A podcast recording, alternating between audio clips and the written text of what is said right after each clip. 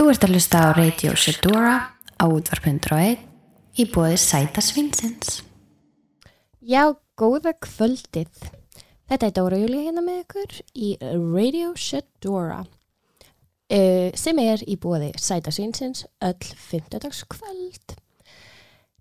Hinga til mín í stúdióið er komin uh, mjög, mjög góðu gestur. Um, þetta er ótrúlega áhugaverð stelpa sem ég er búin að vera að fylgjast með lengi. Hún er listakona með meiru, algjörtöffari og cool girl og ofuboslega hlý og klár stelpa. Ég ætla að bjóða Rakali Tómasdóttur innilega velkomna. Takk. Takk fyrir að fá mig. Takk fyrir að koma. Svo gaman að fá þér loksist. Það er langt sen ég heyrði í þér líka. Já, algjörlega. Þú var miklu flækja en ég er mjög glöð að við höfum loksist náða nöglinu tíma. Býta hans. Uh, já, svona í upphafi Rakel, getur þú þá sagt hlustundum svolítið frá þér fyrir þá sem kannski þig ekki þekkja? Já, uh, ég heiti Rakel og er uh, mentaði gráðskur hönnur en passjónum mitt er svona í meiri myndlistinni þess dagana og ég er að gera sérst svona surrealískar blíjantstekningar af konum. Um, svona aðeins að remixa hvern líka mann og hérna já, og það bara gengur ótrúlega vel og uh, fyrir svona ári síðan að þá uh, byrjaði að vinna í því að uh, verða svona 100% sjálfstætt starfandi Já, og um, langaði í rauninni að breyta þannig að ég gæti unnið hvar sem er og í rauninni ferðast og unnið á sama tíma. einmitt, draumurinn. Gekka, já það var svolítið hérna hvernmanns teikningarnar og andlitin svona voru svolítið svona það fyrsta sem að fóru að veika aðtikli svona viðsvegar, er það ekki? Var það ekki svona það sem stóð, eh, var mjög svona ef ég hugsa um þig sem listakonu þá hugsa ég mjög mikið um einmitt þessar óbúslega fallegu svona grípandi hvern teikningar. Já, jú, það er rétt sko. Ég hef í rauninni alltaf verið að teikna og eitthvað leiðis en, en þetta var svona eitthvað sem ég náði, líka kannski svona þema sem maður náði að halda sig innan. Já, að því að, veist, ef maður ætlar að koma einhverju áfram þá þarf maður að gera kannski svolítið mikið af því líka. Veist, ein og ein teikning veist, stendur ekkert Nei, consistency is key, segja er einmitt. Og líka bara, þú veist, þegar maður finnur eitthvað virkar þá er gaman að fara all in í það algjörlega og líka bara einmitt þegar maður finnur eitthvað sem maður fílar að gera. Er nákvæmlega, absolutt. Þá why the fuck not? Einmitt. en já, einmitt, þannig að þú ert svona mér finnst það ótrúlega áhugavert að vera að, þú veist það er svo ótrúlega skemmtilega á okkar tímum núna hvaða er mikið af listafólki og sérstaklega kannski sem ég tek meira eftir eru, þú veist, konur sem eru farnar að bara lifa á listinni sinni, skiluru og bara svona að því að sjálfsögðu ætti listafólki eins og allir aðrar að geta að lifa á því sem það er að, þú veist það sem það gerir. Algjörlega. Það er svo magna að þú veist fólk hafi frelsi og það sé næg fjölbreytni til þess að við getum haft ólíkar atvinnugræn sem fulltime job skilur mm -hmm. sé ekki bara allir að fara sömu leið. Og ég er mitt sá nú á dögunum færsliðar á Instagram eða í story Já. sem vakti mjög mikla aðtekli og þetta var líka mjög þú veist, þetta var svo ótrúlega spot on og vel orðað. Og það var svona varðandi það er hvernig maður færi verkefni og hvernig maður kemur sér á framfæri sem er bara náttúrulega það að koma sér á framfæri og þar að leiðandi fá verkefni eru bara krúsal faktorar í því að geta unnið fulltime freelance. Og hérna ég náttúrulega sem freelance pía sjálf tengdi við mig margt þú veist þó svo að ég sé á gjör ólíku sviði en mér fannst hlutir eins og þú veist að vinna vel með fólki byggja upp gott orðspor og eiga í góðu sambandi við viðskiptavinni þú veist eins og að vera líka bara opinn fyrir öllum verkefnum og óhrættur við að nýta sér hluti eins og samfélagsmiðla við að koma sér á framfæri uh, eitthvað sem er þú veist svo mikið key. Algjörlega, það skipt náttúrulega bara öllu máli. Og sérstaklega þú veist, 2019 eða bara í okkar samtíma þá er þetta bara þetta eru krúsel faktorar en hvernig finnst þér, þú veist, núna er bara það er mikið að gerast í samfélaginu það er mjög, þú veist, hröð þróun og breyting og það er eins og svona lífi gerist mjög hratt og hlutinni gerast mjög hratt. Þannig að hvernig hafa, þú veist, svona ok, þú varst í LHI kláraði grafíkinu þar. Já, ég kláraði græsku hönnun úr listaháskólanum um, og meðan ég var í listaháskólanum að þá var ég alltaf að vinna líka. já, Veist, ég til dæmis byrjaði hjá uh, í fullir vinni á tímaritinu Glamour meðan ég var ennþá í skólanum. Ok. Og það var, já, ég gerði ekki, intense. Gerði ekki margt annað þann veturinn. ok, nei, ég get en, það. hérna, en já, þú veist, ég hef alltaf svolítið svona verið með eitthvað tvent í einu. Eins og svo, þú veist, svo klára ég skólan og er þá bara fulltime í Glamour. Já, en þá er ég líka, þú veist, að byrja að byggja upp Instagram mitt og deila teikningum já, og allt svoleiðis, þannig að þetta er svolítið svona þú veist, maður er ekkert eitthvað sviss á milli, þetta er meira svona Nei. hlutinir overlappast og Já. hérna þróast þannig já. og meðist það er rosalega þægilegt einmitt, að þú getur svona látið bara allt vinna vel saman einmitt. það er ókslega skemmtilegt og hvernig finnst þér svona, þú veist, undan farin ár hlutinir hafa þróast hjá þér og sem og þú veist, hvernig finnst þér þú sem manneski hafa breyst í starfinu frá því að þú kannski byrjaðir að, þú veist byrjaðir að þróast og varst í skólanum og varst með, þú veist, þessar pælingar og vinna til, þú veist, hliðsjónar, eða bara vinna með og svona, og núna nokkur árum, hvað er landsjöðinu útskæðast? Um, hvað ég útskriðast hvað eru, þrjú ár síðan eitthvað Já, einmitt, það getur, Mhm. svo, maður breytir svo, þetta eru ár núna, hvað ertu gömul? ég er 25 Já, þú ert 93, mm -hmm. já, ári yngri en ég. en þetta er, það er ekki eðlilegt hvað maður breytist mikið á þessum árum. Það er rétt sko Og bara hvað veruleiki maður breytist mikið. Mhm. Þú veist, það er svona, maður er einhvern veginn í sífeldri þróun og sjálfur mann sem sífeld að þróast og breytast og svona. Og hvernig finnst þér? Hvað hefur svona tekið eftir? Hvaða breytingum hefur mest tekið eftir? sko, uh, já, þetta er náttúrulega vinnan manns er náttúrulega rosalega stór er, þetta, hvað ég gerir er rosalega stór partur af því bara hver ég er og ég er rauninni man ekkert eftir því að hafa einhvern tíma verið ekki að teikna eða hann eitthvað og þú veist, þetta er svona ég veit ekki, veist margir hlutir einhvern veginn hafa náttúrulega áhrif á mann í lífinu og, og ég held að um, kannski meira eins og veist, ég var í fimmleikum í mjög mörg ár um, og þar eru ofta einhverjum svona tímpunktir sem ég var bara við þetta bara hafði gett mikil áhrif á mig sem mannesku og líka bara svona eins og bara eitthvað að koma til skápnum og eitthvað já. svona Hvað veistu þegar þú komst til skapnum? Uh, ég var 21 Ok, já, en það var- eru fjögur ár síðan. já Ok. ég var byrjuð í listaháskólanum þá Ok, Já. ok. en hérna, uh, já, en þú veist sko, hönnunin og, og teikningarnar og það allt saman hefur verið einhvern veginn svona það sem að er stabílt veist, það er einhvern veginn svona það sem að ég get svolítið alltaf bara gripið í, það er svolítið svona mitt heima Já, bara svona órjúvanlega hluti af þér sem heild. Já, og, og þú veist, og auðvitað hérna, veist, þannig að eins og, eins og ég segi, þetta hefur alltaf verið svo mikill partur af mér, þannig að það er svolítið erfitt að segja einhvern veginn hvernig það hefur haft áhrif. En ég held að um, veist, það var náttúrulega bara veitt manni ótrúlega mikið sjálfsöryggi Einmitt, að veist, sérstaklega það að finna að maður sé góður í einhverju og að finna eitthvað sem maður er góður í og, þú veist, og sérstaklega fyrir mig að gera það svona snemma Já, er bara náttúrulega algjör forréttindi. Algjörlega, já, Mhm. það er alveg magnað. Mhm.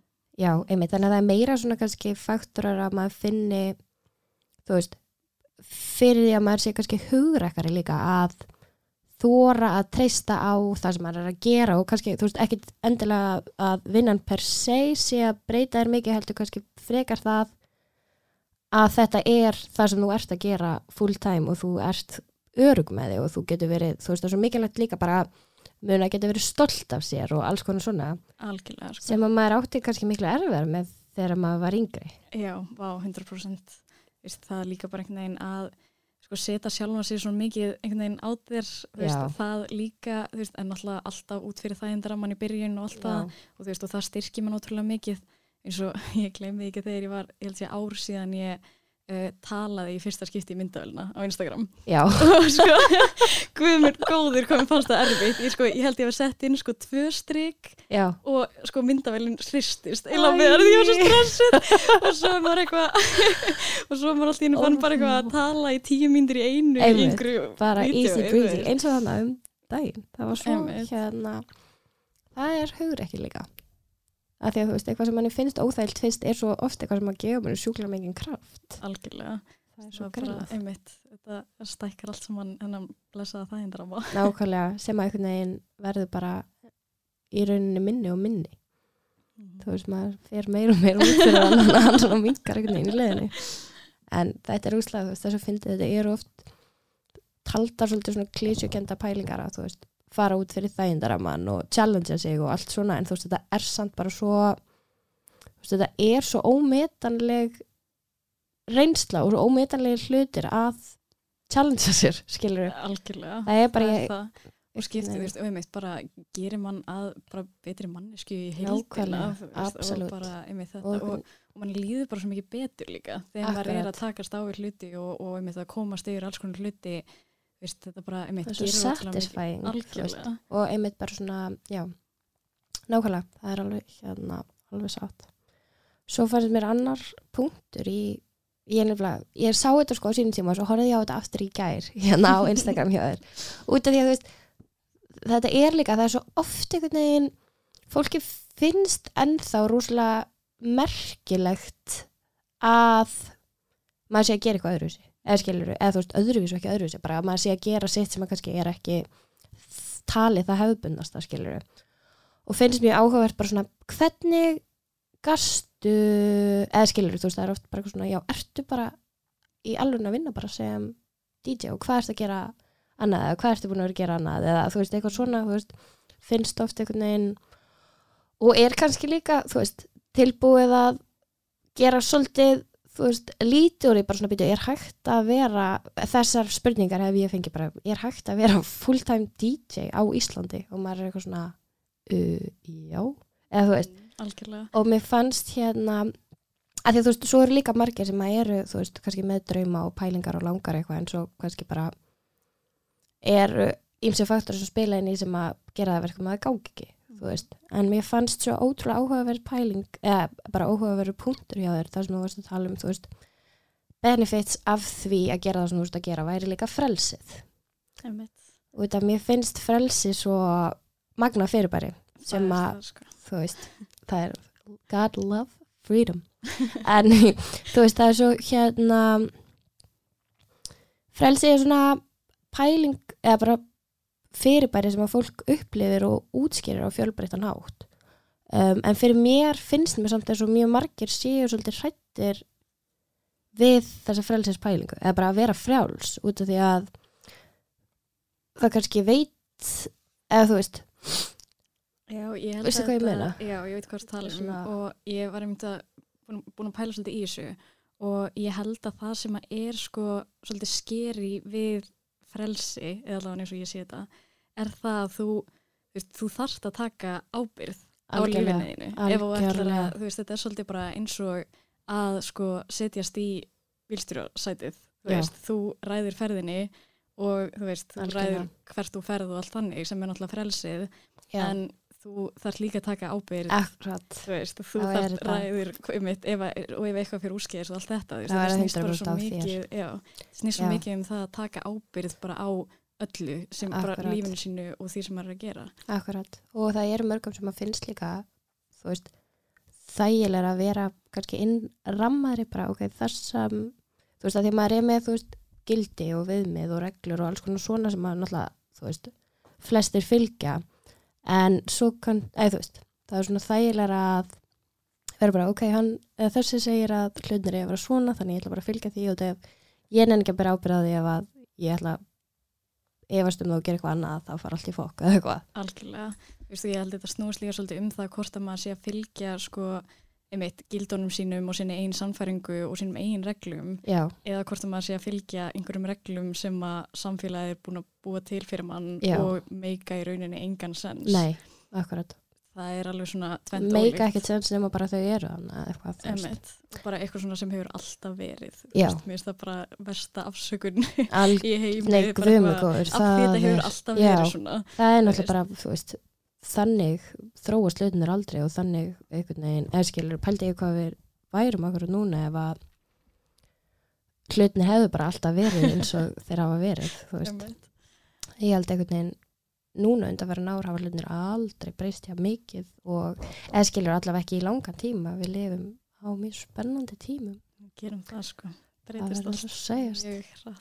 En við erum báðar hérna ánæður með frelsið okkar. Já, Og það er líka betur. mitt, þú veist, svona það að geta bara verið svo sem þú vilt er Einmitt. líka mjög mikið frelsið.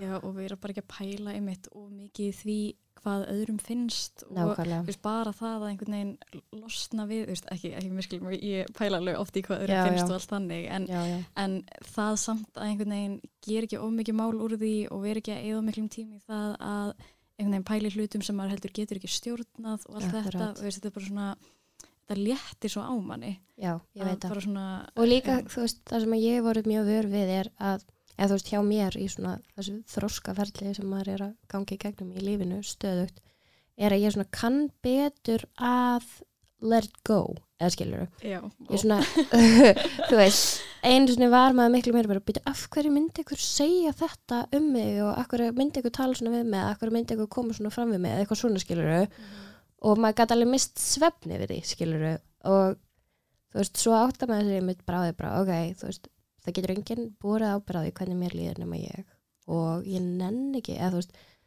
svona þetta er ekki þess verði þannig að jú, þetta offar mér smá og þetta læt mér líða óþægilega en ég er samt miklu, miklu betri í því að rise above it eventually skilur algjörlega og svo náttúrulega bara þykist Nákvæmlega. og, það er meikar meira og meira sko. Það er það sem að mér finnst svo geggjað við að eldast og ég er búin að tala um þetta nokkru svona í þættinum mér finnst svo geggjað að verða eldri og ég bara, þú veist hvað forðið mig frá því að ég verða eitthvað sem hann 23 aftur eða 21 og aftur eða skilur ég er bara, ég er svo sammálaður sko. lífið verður bara betra með Já, aldrinum sko. það verður og bara maður sjálfur og það er líka kannski eins og þú varst að tala um þú veist, það er svo svona það er svo uh, filling eða þú veist, það er svo gott að þú veist, challengea sér og þróast og þroskast og svona. Og þess vegna finnst mér svo mikið, mér finnst svo oft vera, þú veist, svona aldurskomplexar og alltaf einhvern veginn fólk er svo mikið skilgreint þú veist, eftir aldrei og þú veist, svona gömul þú getur ekki gert þetta eða þú veist, eitthvað Mhm. svona og náttúrulega ferðarlega hversu eins er gjör ólíkt og maður getur lært eitthvað af öllum, en mér finnst mikilvægt að maður embracei það að eldast Já, mér finnst það líka og maður er kannski einmitt hérna 25 ára eitthvað Já, að tala um þetta, en, en samt en samt algjörlega og, Það er alveg- mér finnst einmitt, aldur er svo bilaslega afstæður. Svo? Það er eins og alveg tíminn. bara nákvæmlega magna Það er- hvað hérna, fólk getur verið gamalt innan gæsalappa en samt Já. ungt og öfugt og akkurat. hérna þannig að já, nei, bara aldur er ekki eitthvað sem hræði mig á nei, Og- einmitt, mér finnst það bara þú veist, spennandi í rauninni algjörlega og það er líka bara, þú veist, kannski voru, það voru svona pælingar áður fyrr eins og bara með hjónaband og barsegnir og eitthvað sem eru bara ekkert þú veist, maður færi þetta kannski frá ömmum sínum, einstakar sínum eða eitthvað, en þú veist, það er bara einhvern veginn Já, það er ok. bara, þú veist, lífshlaupið er allt öðruvísi núna núna er þetta miklu meira abstrakt og viðurkjönd abstrakt heldur en það var áður þannig að við þurfum að embracea það 100% það er líka bara, já ég er búin að íra svo mikil væntingastjórnin við alla í fjölskyldinu minni og Já. eitthvað. Með hatningnir og annað Já, er bara eitthvað svona bara- ekki búast í Nei. neinu. Leifum við bara lifa mínu lífi. Já, svo er líka svo fyndið að þú veist maður kannski hjælt fyrir nokkrum árum að, eða, þú veist, kannski var það ekki með þig út að þú ert hefur svona skýra sín á það hvað þið langar að gera og þetta er ekki eitthvað nýtt eða ekki eitthvað sem kom allt í hennu upp en þú veist, það er samt einhvern veginn lífið fer aldrei nákvæmlega eins og maður heldur að ætla að fara Einmitt, og það kemur manni svo oft skemmtilega og óvart sko. Mhm. það er svona einmitt hérna, mér finnst alveg mikilvægt að vera ekki að sko endilega plana allt fyrirfram heldur nákvæmlega Þess maður þarf að nákvæmlega. einhvern veginn gefa lífinu bara rými til þess að koma hann á óvart og nákvæmlega hafa pláss til þess að stökkva á spennandi tækifæri þegar þau koma. Algjörlega, algjörlega, ég samála því. Það er hérna einmitt, eh, svona það sem ég langaði líka að spyrja núna er, þú veist, hvað væri á döfinni hjá þér og út frá því spyrja þig, ertu með skýra sín á næstu árun eða ertu meira í flæðinu? Þessi fallega flæði sem lífið er. Nákvæmlega. Já, einmitt, ég sko plana kannski svona max ár fram í tíman eiginlega Já, og þú veist, ég einmitt hérna var spurðið um daginn bara hvað ætlar að vera eftir tíu ár og ég var bara eitthvað, þetta er svo úrætt spurning. að að þetta því er við það. tökum bara sko samfélagsmiðla sem dæmi veist, fyrir tíu árum var það ekki eitthvað sem að var eitthvað, já, það er það sem ég ætla að vinna við. Nei, Og hérna, oh my god, pældu í því. það er svo það er magnað hvað hérna einmitt hvað lífið þróast átt hratt á bara einhverjum tímapunkti. Einmitt, og það er svo margt líka bara sem maður veit ekki og það er svo margt nýtt alltaf að bara einmitt, bætast við og, og, og hlutinni breytast svo hratt að mér finnst, já, ár er svona passlegt plan, svona gróft plan. Já, en svo eins og, sko, eins og með alls ferðarlegu þannig, ég hérna er sko eiginlega bara ófær um það að bóka flug nema með svona viku fyrir já, einmitt. Bara, ég er alveg búin að ég. ákveða svona hvert ég Já. ætla að fara og allt þannig. En, hérna, en, en sem er líka alveg góður hlutur af því að ef við tökum sem dæmi að ég sko ætlaði til dæmis ekki vera á Íslandi í desember. Já, en svo dætt mér í huga að gera gefa út þessa dagbók sem Já. ég gerði. einmitt. Og segjum að ég hefði verið löngu búin að bóka eitthvað flug að þá hefði ég verið gert það. Nei, þannig að veist, það var einmitt bara einhvern svona hugmynd sem ég fekk mjög rætt og framkvæmdi bara strax og Geðveikt. með einhvern veginn og að litnum fyrirvara þannig að það er svo geggjað bara leiða hlutum stundum að koma til sín og grípa þá, eða þú veist algjörlega já, ok, og þú ert núna nýkomin frá Bali Já. það lúkaði svo ótrúlega dreamy uh, þetta var svo geggjað sko. Það var svo gaman að fylgjast með ég var bara svona, þú veist, ég sá að þú settir inn hann að þetta prógram sem þú varst í, mm -hmm. ég er bara búin að googla og skoða tímasetningar og eitthvað. Já, heyrir bara eitthvað, ég Helga, já. ég var að tjekka bara, hvena getum við farið til Bali? Bara, ég skal bjóða þér. Við ætlum eitthvað að finna út úr þessu. En ég er mér langar að fara á þessu ári. Já, ég Er- bara, ég sko, já, maður er búin að sjá, þú veist, fylgta Instagram myndum Já, já, og þetta er heyra þetta sé Instagram heaven ógeðslega náttúrulega. frábært og allt Já. þannig og ég var ekki alveg að kaupa það, ég bara, Já. þetta getur ekki verið svona frábært, já, veist, en svo eiginlega bara varða það, sko. Ég Ok. er bara, ég- þetta er bara besta ferð sem ég farið í, sko. og, og þú fórst einn Já. gæðvikt Mhm. við Og það það. er sko, ég alveg, ég mæla alveg með því að fara þarna, sérstaklega ef maður er að ferðast einn, Já. af því að eiginlega lang flestir sem ég hitti já, voru líka ferðast einir.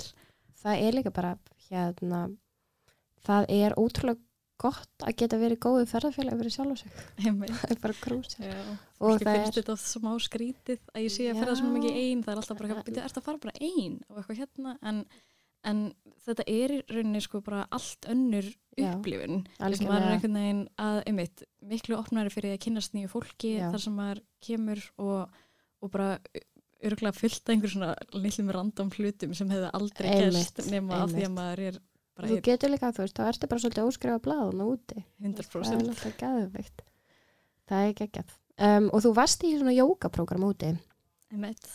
Hefur verið að stunda það lengi, jóka Uh, ég, ég tek svona jóka tímabil okay, ég, hérna, ég er svolítið ég er eiginlega ófær um það að halda sömu rútininni í svona ofurlangan tíma. Þannig að ég tek allt svona tímabil þú veist, er kannski í ótrúlega mikið jóka á einhverju tímabili og veist, eins og núna fer ég eiginlega alltaf hverjum degi í sund og minnst Já. það ótrúlega næs og Einmitt. hérna en já, þetta er svona, ég tek þetta í tímabilum já, gæðvikt ég hérna er alveg pínu jóka sjúklingur sko. mér finnst það alveg eða sjúklega næsrýing, en ég kann ekki standa á haus það er alltaf bara út af fimmleikunum sko. Já, en er líka svo, þú veist, að því að í tímum þá er maður bara alltaf í sama flæðinu, skilur og svo hefur maður aldrei verið kent og ég þóra ekkert eitthvað að fara að dempa mér á eitthvað í lók tímans, þú veist, bara eitthvað upp úr þurru. Þannig að það er eitthvað, þú mátt endilega kenna að standa á ekki fyrir. Já, gera það sko. Þetta er, þetta er ekki ja, flókið held ég og fólk, heldur sko. Einmitt, þetta lúkar svo skeri að bara dempa sér á hausin og upp með lappinar en ég, nein, að því að maður veit ekki nákvæmlega hvað maður á að gera. Já, þú þarfst En- alltaf bara að spennaði maður það Já, er key nummer eitt sko. ég þarf að work on that a little bit. En já, geggjað, já, nei hérna fimmleikar eru náttúrulega mjög góð grunnur í svo ótrúlega mikið af reyfingu algjörlega bara fyrir allt sko.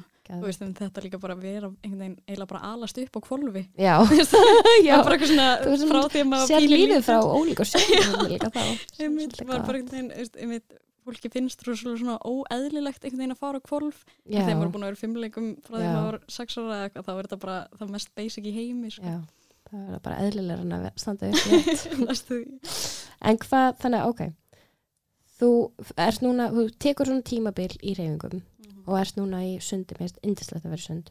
Bara best er- sem ég veit sko. svo, það er svo magnað healing power á að fara í og það er það sem við Íslendingar erum opuslega hefnir með þeirra sundlöfunar okkar. Algjörlega, það er sko, esjan og sundlöfur eru bara það sem að gera Reykjavík fyrir mér. Alveg sko. Það er líka mitt, ég er búin að vera bara stund að það að fara alltaf í kaldapottin og gufu til skiptis. Já, þetta er bara, þetta er, já eins og endurfæðing bara hvernig. Og er það, þú veist, hvað gerur þú svona fyrir, þú veist, finnur uh, bara í lífinu, svolítið svona, hvað það er mikilvægt að rækta sálina og svona sinna, þú veist, taka svona stund að svona, bara, ok, nú verði ég að sinna sálinu minni. bara 100% ég, mér finnst bara andlega hilsa svo ótrúlega mikilvæg og Já. ég set hana bara í hellingsforgang sko. Já, það og verður. ég, ég líka bara finn það þú veist, sérstaklega þegar maður einhvern veginn þarf að vera innan gæslappa sinni eigin yfirmaður og allt Já. þetta og einhvern veginn að vera íta sjálfum sér áfram og allt þannig að þá, einmitt, er bara ótrúlega mikilvægt að vera bara í lægi sko. Algjörlega. og, það er, já, maður er líka svona, það er stundum einhvern veginn að maður átt að segja á því, þú veist, allt innum maður bara byrja, akkur er ég svona off, akkur er ég svona, þú veist, orkulítil og þreytt og eitthvað svona, þá oftar en ekki átt að ég mig á því að ég er bara eitthvað, já, ég er ekki til dæmis búin að fara neitt í jóka í vikunni og ég er einhvern veginn svona, það er svo auðvelt að gleyma því og vera svolítið svona einhvern veginn út um allt en það er, það er major key að sinna sálinni. algjörlega, það er bara já, og fólk með heldur oft að sko um, velgengni búi til hamingju.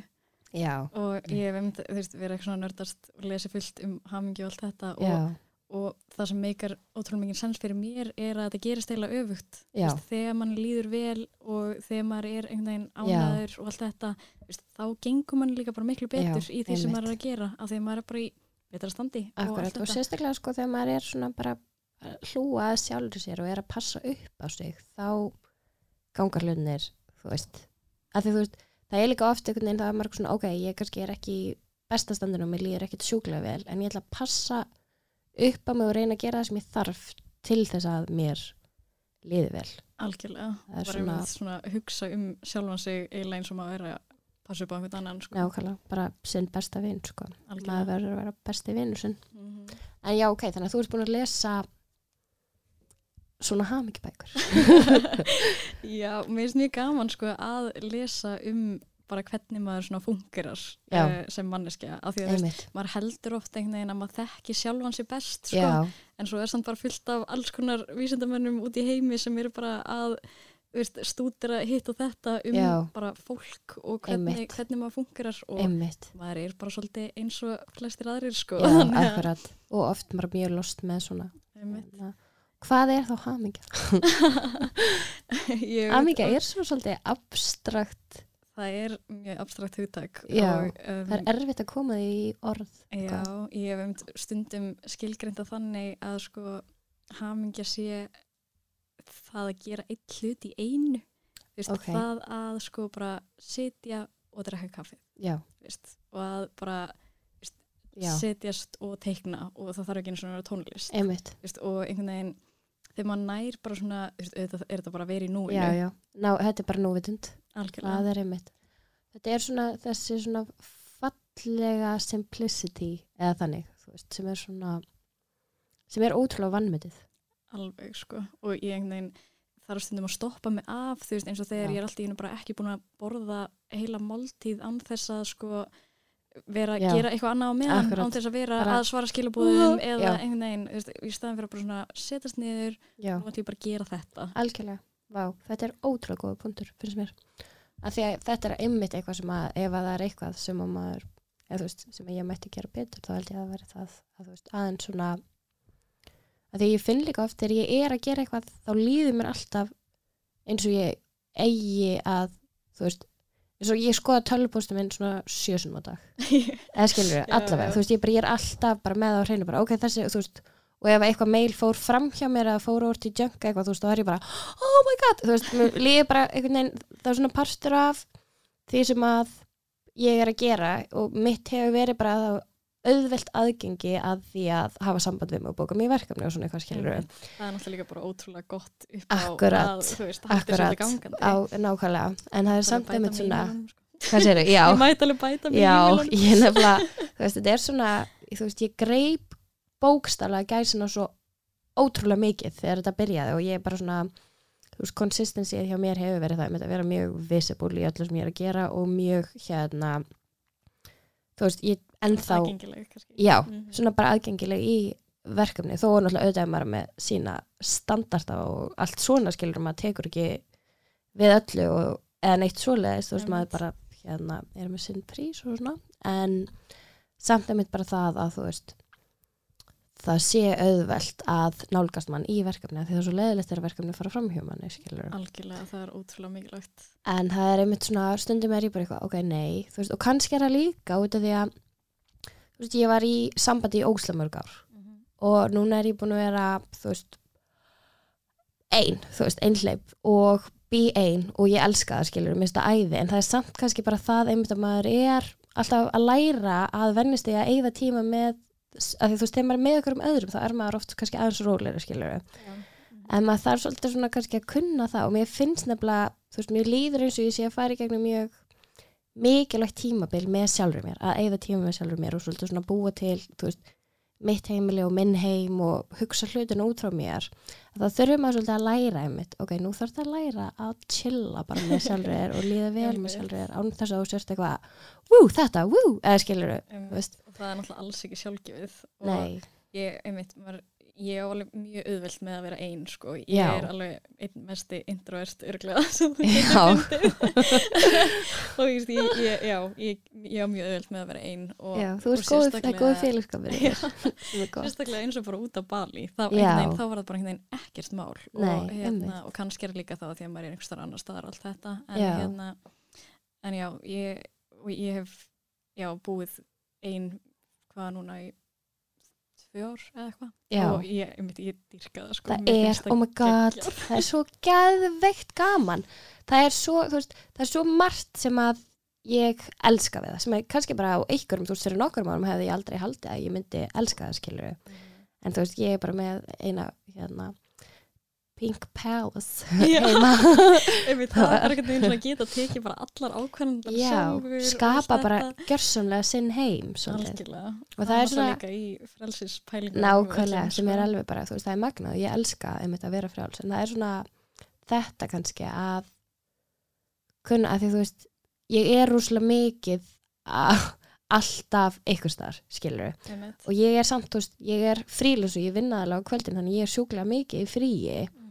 En ég er samt bara svona, veist, ég fer alltaf í jóka og spa og sund og kaffihús og út að borða og, veist, skilur maður er bara, það er maður er svona hverju ger ég mér svona ógæslega þreytta skilur og svo bara, þú veist, tak, er maður líka að taka sér alls konar verkefni og þú veist, Instagram er orðin líka bara stór partur af því sem maður er að gera og alls konar svona þannig að þú veist, maður finnur svolítið það er, sérstaklega kannski þegar maður er frílans, þá er erfitt stundum að setja mörg á milli þess að það sé bara svona me time og Mhm. maður sé að vinna eða skilur þú veist Einmitt, guð, hjá mér er er- þetta svo ótrúlega blandað Já, sko. ég sé er eiginlega svona- engan mun á sko, Nei. me-time og vinnu Einmitt, en það er náttúrulega líka kannski bara því að þú, ert óbúslega heppin með það að U-time getur líka verið Já, þú veist að vinna og einmitt. þetta blandast rosalega mikið saman og ég var um Sem að hugsa um hérna, núna um daginn að að það er í alvörunni þannig að sko þegar mér líður bara eitthvað svona umulega og, og já, allt er sökkað að þá fyrst mér í alvörunni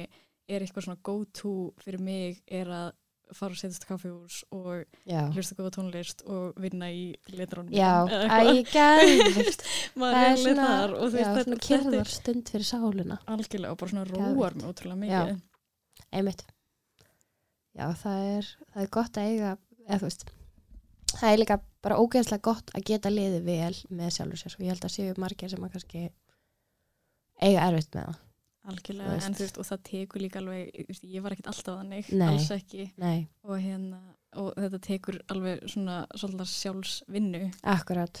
Einmitt, það gerir það. Og ég líka, þú veist ég er svo mikið people person. Og eða, þú veist, ég hef alltaf verið svona einhvern veginn að skipulega alls konar einhverja heitinga og þú veist, maður á svo mikið af, þú veist, fjölbreyttum vinum í kringu sig sem maður er, þú veist vanur að hanga mjög mikið með, er skilur, og svo veginn til dæmis bara eins og núna í haust þá þróast það þannig að þú veist bara fimm eða sex bestu vinkur mín að búa í útlundum já.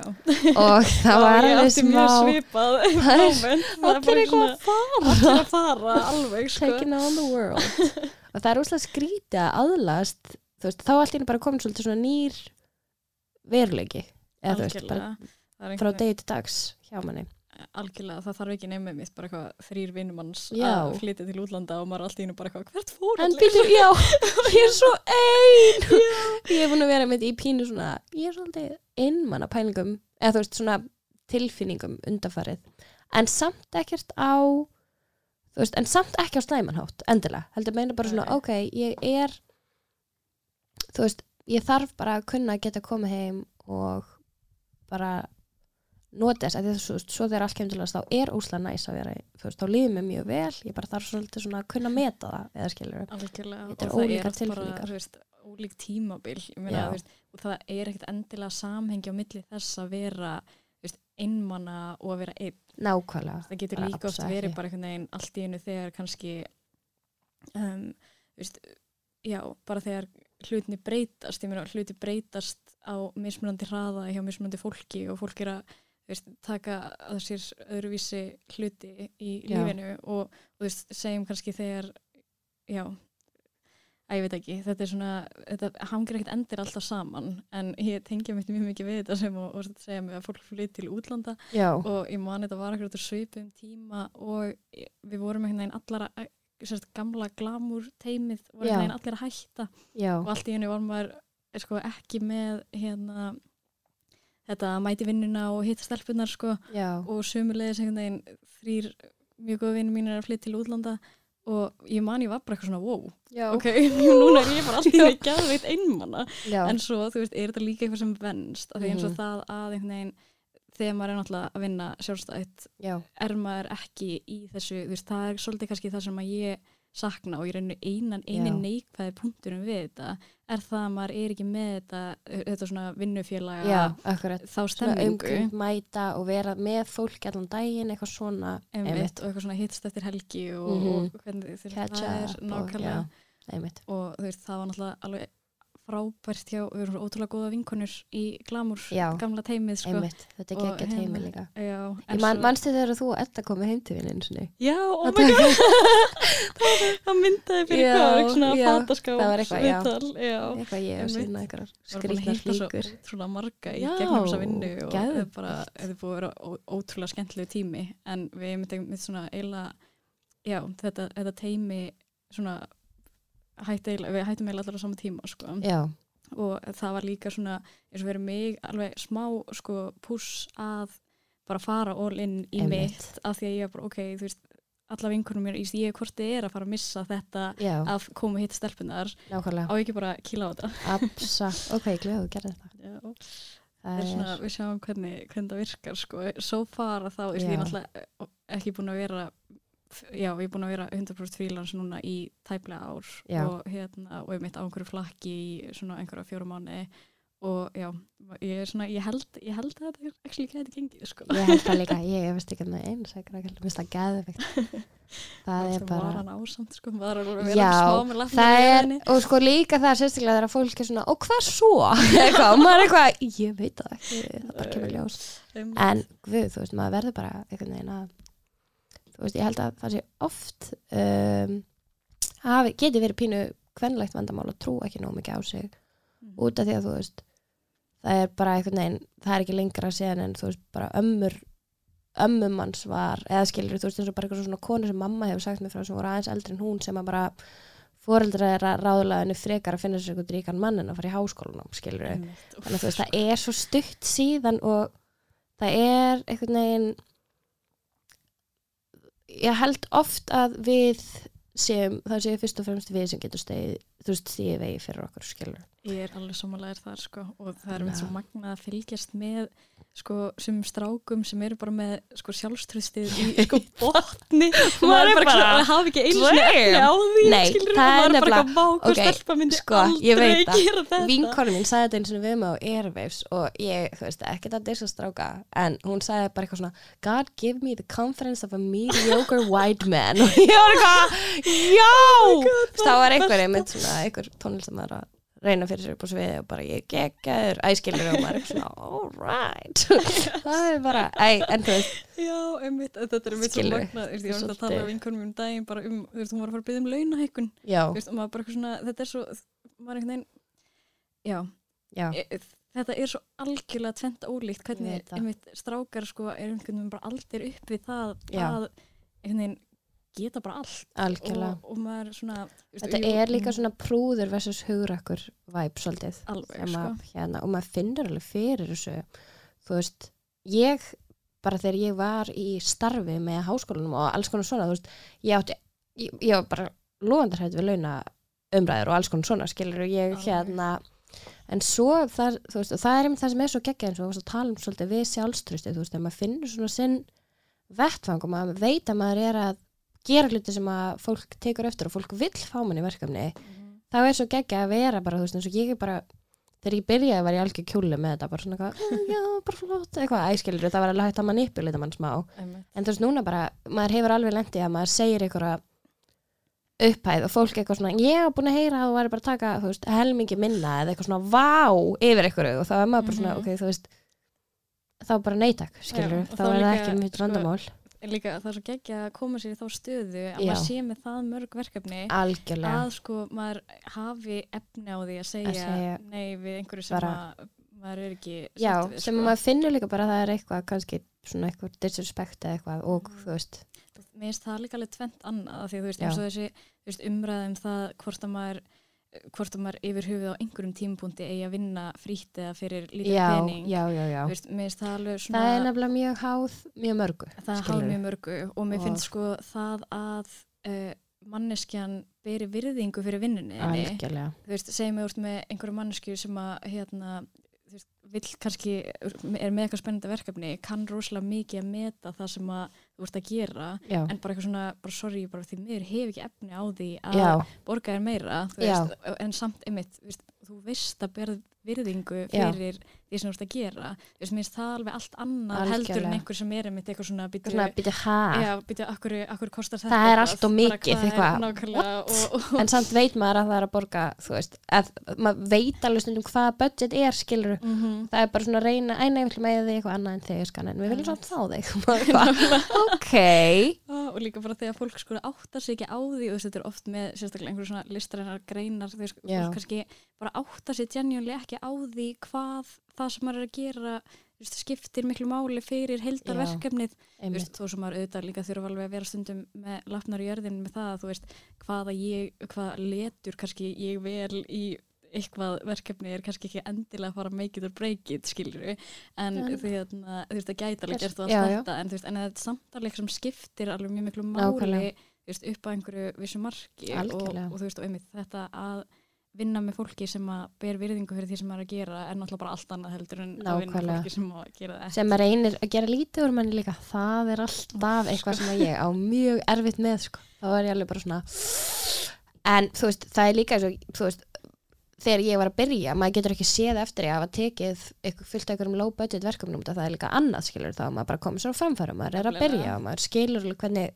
þú veist, og þetta er svona, einmitt það að vinna sig upp er allt annað dæmi heldur en alltaf bara byrja og vera bara sömu sama kaupa alltaf eða skilur mig Einmitt. þú veist maður þarf alveg að setja inn, inn vinnuna og Nákvæmlega. ég hérna, þetta oft þannig að sérstaklega þegar ég er að byrja að þú veist, það er alveg svona nokkri hlutir sem maður getur fengið út úr verkefnum þú veist, maður getur fengið náttúrulega pening og Já, já. maður getur fengið en maður getur líka fengið þú veist, reynslu og Mhm. sambönd Al- og algjörlega þú veist eins og fyrir mig að fá eitthvað geggja verkefni í portfóljó sem maður getur Ah. þú veist leitt mann á öðrum verkefnum Já. sem maður getur þóra eitthvað meira fyrir og allt þetta þú veist, og mér finnst það alveg eitthvað sem maður má alveg taka inn í myndina það er nefnilega, þú veist, er gjaldmiðlin sko. er fjölbreyttur í þessu sko, algjörlega það er alveg þannig og reynsla er, eða þú veist ný reynsla er líka krúsjál og allt svona en þú veist, svo náttúrulega líka verður fólka, þú veist, sérstaklega þegar maður er bara svona eins og ég hef oft verið bara, þú veist þetta er bara fulltime vinnan mín, þú veist. Algjörlega. Þannig að ég Mhm. get ekki verið bara eitthvað nei, maður getur náttúrulega ekki verið í einhverju endalísu nei, einhverju dúlu,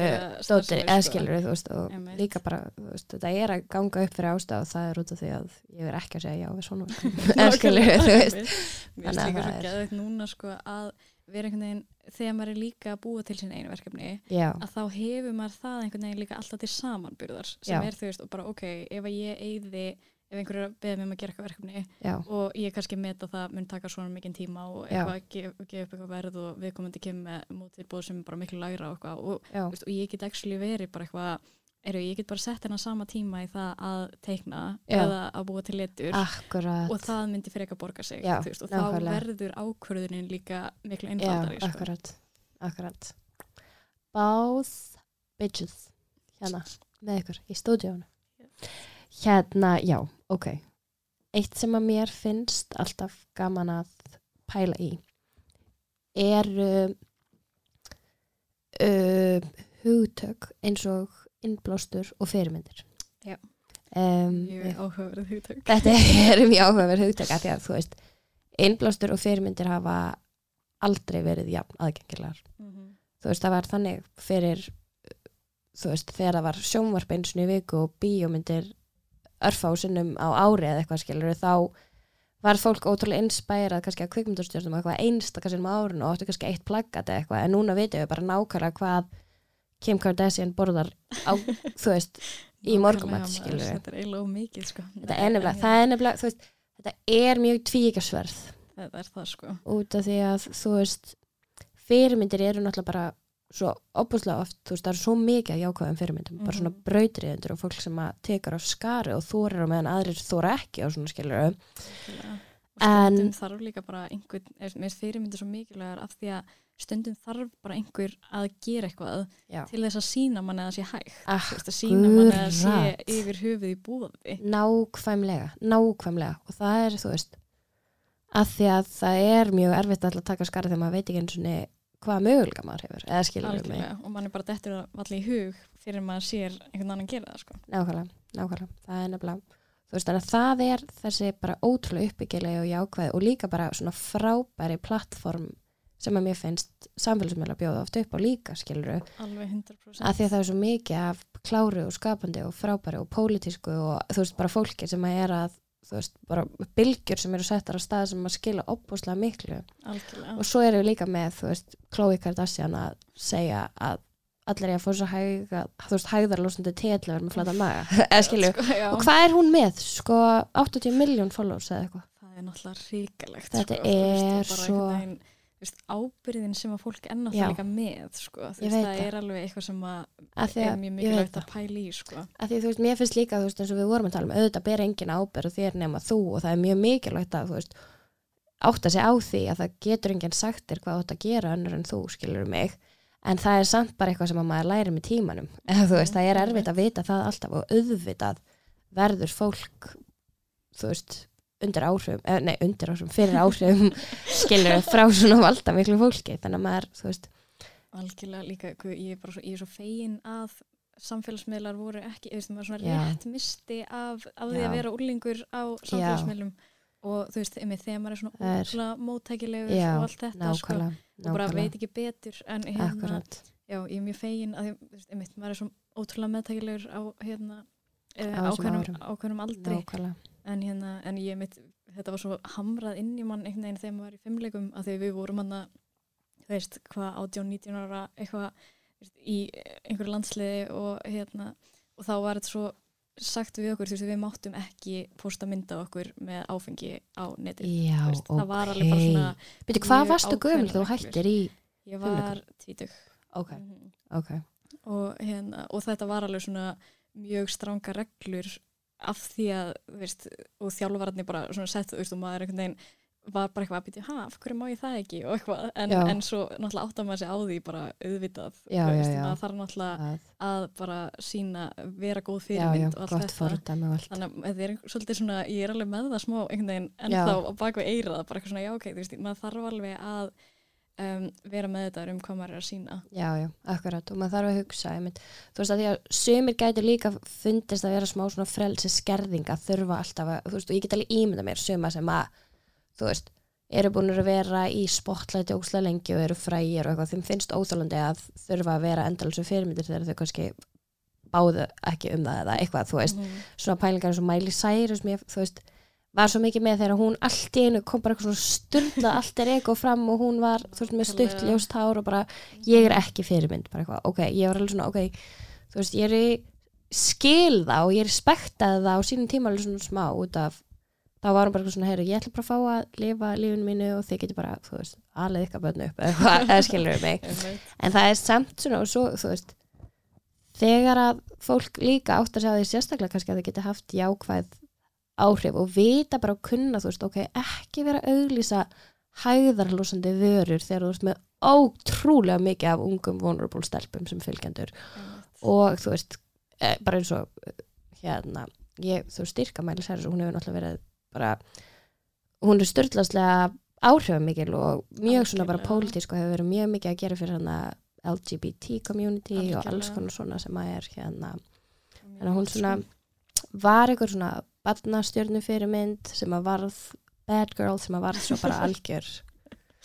Mjög hérna. áhugaverð þróun. Já, doldið, doldið skemmtileg. Ég hef alltaf verið mjög ánæg mjög með gott svona rebranding alltaf. algjörlega, algjörlega, hún er með mjög góðan hérna mjög gott marketing í Publicist, já. um, ég skrifaði mitt, ég var þegar ég var listur í háskólanum þá skrifaði ég reitgerð það var samt 2013 þegar hún var á þessu tímabæli þá skrifaði ég mitt reitgerð þar sem við vorum að tala um svona image dótari og svona ímynd sköpun á ímynd eða og þá skrifaði ég reitgerð í eitthvað svona áfanga sem heitir eitthvað svona, ég man ekki eins og hvað hann heitir þá skrifaði ég reitgerð um eitthvað svona. Úr einni ímynd í aðra, hvernig hún fór því að vera Hannah Montana yfir að vera það var, Já. hún hefur heillað mér mikið. En, það En- er rosalega um þetta klikka áhugaverð og það er Já. bara þetta sé hægt. Nákvæmlega. það getur verið með svona ótrúlega fasta ímynd Já, og svo, einmitt, Svo gerir eitthvað klikkað og breytir öllu og, veist, og fólk er í rauninni enga stund að venjast því þú veist, ekki, allir verða eitthvað brjálæðar í, í smá stund já, já, og svo bara ok, hún er svona. Já en það er það sem er líka, þú veist hérna, samfélagsmiðlar er ótrúlega mikið svona frelsi fyrir þig til þess að þú veist, búa þig svolítið til sem er líka alveg svolítið skemmtilegt skilur við, alveg, þú veist, heldur ekki þetta er stór faktor til dæmis í vinnunni þinni alveg bara risastór sko. Ég væri ekki á þeim stað sem ég er í dag ef ég væri ekki að nýta Instagram Nei, sko. það er alveg bara, já, það er svo fáralega stór partur af því sem ég er að gera, ég væri ekki, ekki að selja myndina mínar, ég, það er bara þetta er mitt allra svona Já. mikilvægasta plattform einmitt, er, Instagram er algjör bara business paradise eiginlega, það er bara magna, magnaði möguleikar í þessum Einmitt. meðli sko. nákvæmlega. Og eins og við tökum bara svo dæmi þessa hérna, dagbók sem ég gerði fyrra ég sko hún, ég notaði bara Instagram já, til að marka einmitt og meira segja þú veist það er einhver svona stelpur sem ég hérna, baðum að sína hana og okkur svoleiðis ég sér, þú veist, Já, allt, já, já. allt bara gegnum Instagram. Veist, og það var, ég fór í svona eitt viðtal sem var samt eiginlega eftir hún var uppseld. Já, en einmitt, þetta er bara Instagram er- og maður er bara svona, ok, Þú veist, hún er mitt seldist upp bara á mjög stöðum tíma. Snillingur. En þetta er mitt nákvæmlega, bara ég áttaði mig svolítið á því þarna hvað Instagram er rosalega powerful í rauninni Algjörlega. og ég held að allir sem að eru að sko vannmeta samfélagsmiðla sé að gera rosalega mikil mistök sko. Nákvæmlega, ég held bara 100% það er bara ef þú ert ekki að nýta þetta þá ertu að fara að vera eftir og það er ekki Mhm. spurning sko. það er ekki spurning. En heyrðu við erum að renna á þetta tíma hérna. Það búið að vera svo mikið fyrir hjá okkur. Það sem ég langar að beða að gera er í fyrsta lagi að gefa eitt ráð. Eitthvað bara frá sálinni til þeirra sem eru hérna að hlusta á okkur. Mhm. getur gert það? Já, sko, já, uh, ég held að mitt ráð væri svolítið það að maður getur lært allt, um, veist, maður getur googlað ótrúlustu hluti, veist, maður Mhm. getur googlað hvernig maður á að vera hamingsamur og Já. fær bara upp sko fullt Já. af efni sem maður getur líst manni oh. Veist, og ég held að einmitt, það að vera forvitin og að bara einmitt, taka inn allt sem maður getur lært ég held að það sé góða já. lífsreglur Mhm. Gæðvikt. Ok, svo langum að fá því hérna bara rétt í lókinn til þess að henda á mig einu óskalagi Yes. frá sálinni sem að er. sálinni, Þú veist, við erum svo mikið í sálarpælingum. pælingarnar nákvæmlega Þú veist, Um, eitthvað sem kemur manni svona í svona, ok, nice. mhm. ég held ég verði bara að velja hérna Purple Rain sko Ok, love! Af hverju? Segðu mér frá. Ég bara svona, þegar ég hlusta á það lag ég fæ bara svona, ég er svolítið grándast fyrst Já, og svo bara svona, ok, let's do this let's do this. Ok, geggjað. Ég vil að þú komir ekkert með í karaoke til mín og takja þetta lag. oh my god. Takk, elsku Rakel, fyrir að koma. Ah, Takk fyrir að fá mig Hvað, segja okkur Instagram nótundanamnið? Instagram þetta nafni mitt er Rakel Tómas Rakel Thomas, tjekkja á henni Bye Ég kem svo að verðum spori með Power DJ set Thank you.